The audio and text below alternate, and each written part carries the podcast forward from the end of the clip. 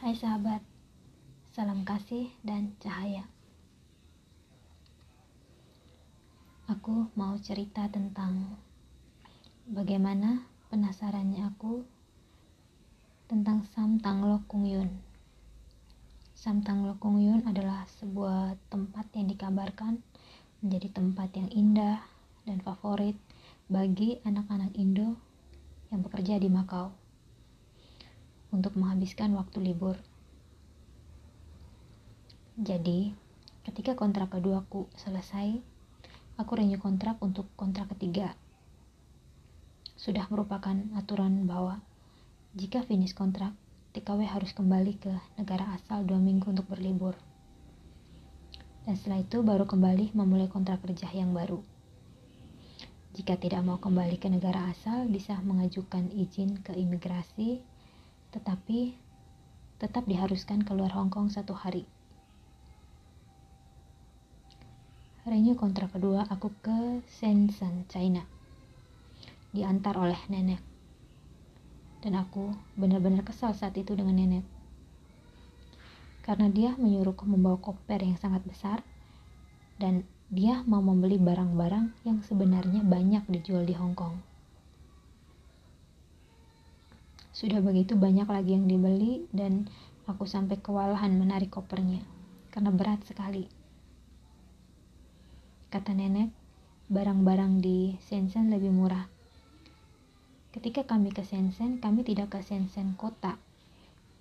Kalau di Shenzhen kota ada tempat wisata di mana di sana ada miniatur tujuh keajaiban dunia. Di saat itu kami ke Shenzhen, pinggiran tepatnya di kota Lofu dan ya ampun, pasar Lofu sangatlah kotor. Aku sampai jijiknya minta ampun. Kondisi pasar Lofu berbeda sekali dengan pasar Hongkong yang bersih. Aku ingat ketika aku dan nenek berantem di atas jembatan gantung karena koper. Dan akhirnya kami berdua menjadi tontonan orang-orang China yang lewat saat itu. Dan saat pulang, aku hampir nyasar. Nenek sempat panik. Ceritanya waktu itu aku dan nenek masuk ke area pemeriksaan dokumen perjalanan. Aku dan nenek masuk ke jalur yang berbeda. Nenek masuk ke jalur Chinese nationality dan aku jalur foreign. Gara-gara berbeda jalur ini yang membuat aku nyasar. Karena ruangannya juga berbeda. Aku panik karena tidak bisa berbahasa Mandarin. Dan kebanyakan orang Cina juga tidak bisa berbahasa Hong Kong dan Inggris. Mau menelpon nenek di layar handphone tertulis emergency calls only dan benar-benar tidak bisa melakukan panggilan. Akhirnya, aku mendatangi pos polisi dan dibantu. Pengalamanku berlibur ke Shenzhen sangat tidak menyenangkan. Maka itu, ketika renew kontrak ketiga, aku tidak mau lagi berlibur ke China karena pasti diantar oleh nenek. Aku bilang, aku mau ke Makau saja. Dadai, Dadai adalah sebutan untuk dalam bahasa Kanton. Dadai mengizinkan, tetapi dengan syarat harus ada teman. Aku tidak diizinkan untuk pergi sendiri. Dadai takut aku dijahatin oleh orang Talu. Orang Talu banyak di Makau. Menurut Dadai, orang Talu banyak yang melakukan aksi tidak terpuji.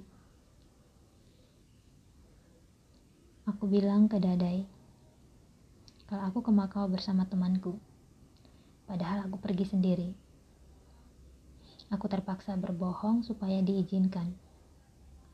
Tetapi Tasya akan menjemputku di dermaga. Saat itu hubunganku dengan Tasya masih terjalin baik. Awal ke Makau sebenarnya aku takut karena baru pertama kali dan sendirian pula. Tapi akhirnya aku ikuti saja petunjuk-petunjuk yang ada dan jika ada yang harus kutanyakan, aku bertanya kepada petugas atau penumpang yang juga mau berangkat ke Makau. Tiba di Makau, Tasya sudah menungguku bersama teman-temannya. Teman-temannya sempat kaget melihatku karena dalam pikiran mereka aku tinggi dan besar seperti Tasya. Ternyata aku kecil dan terlihat seperti remaja belasan tahun. Dari dermaga, aku dan Tasya ke tempat temannya. Setelah itu, kami jalan-jalan ke Saint Paul. Saint Paul menjadi salah satu pesona Makau. Kami berfoto ria dan aku juga sempatkan untuk membeli oleh-oleh khas Makau. Sorenya aku merengek, minta diantar ke Samtang Lokungyun yang dikabarkan merupakan taman yang terkenal di Makau.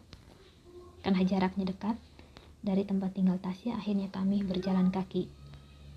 Begitu tiba di sebuah taman kecil, di taman itu ada bundaran, di mana pengunjung dapat duduk, dan terlihat beberapa orang menyapa Tasya ramah. Akhirnya Tasya mengajakku duduk. Setelah beberapa menit, aku bertanya, di mana Sam Tang Lokung Di saat itu aku benar-benar ingin tahu seperti apa indahnya Sam Tang Lokung dan menurutku menurutku uh, rugi ya sudah berlibur ke Makau tapi tidak melihat Sam Tang Lokung Dan beberapa jam berikutnya aku harus kembali ke Hong Kong. Akhirnya Tasya menjawab pertanyaanku dengan santai. Ini kak, Samtang Lokong Yun. Serius kamu? Aku bertanya balik. Dan aku hampir tidak percaya. Santang Lokungyun yang dibangga-banggakan itu ternyata tidaklah lebih indah dari Victoria Park. Dan menurut Asia, taman kecil yang diberi nama Santang Lo itu karena di tengah bundaran ada tiang listrik dan dipasangi lampu bercabang tiga. Tasya menyuruhku berdiri di bawah tiang dengan maksud mau memotretku untuk dijadikan kenang-kenangan. Dan aku menolak mentah-mentah. Setelah beberapa menit duduk di taman, akhirnya aku kembali ke Hong Kong. Lama perjalanan satu jam. Dan aku suka naik kapal turbojet selama satu jam perjalanan itu. Kedua kalinya aku ke Makau bersama bos dan saudara dari bos beserta anak-anaknya. Kami menginap di Galaxy Macau Hotel. Aku beruntung bisa menginap di hotel ini karena hotelnya sangat keren dan mewah. Di depan lobi hotel ada Diamond Show. Diamond Show adalah pertunjukan air mancur tercantik dan dipadukan dengan lighting yang indah dan juga musik yang keren.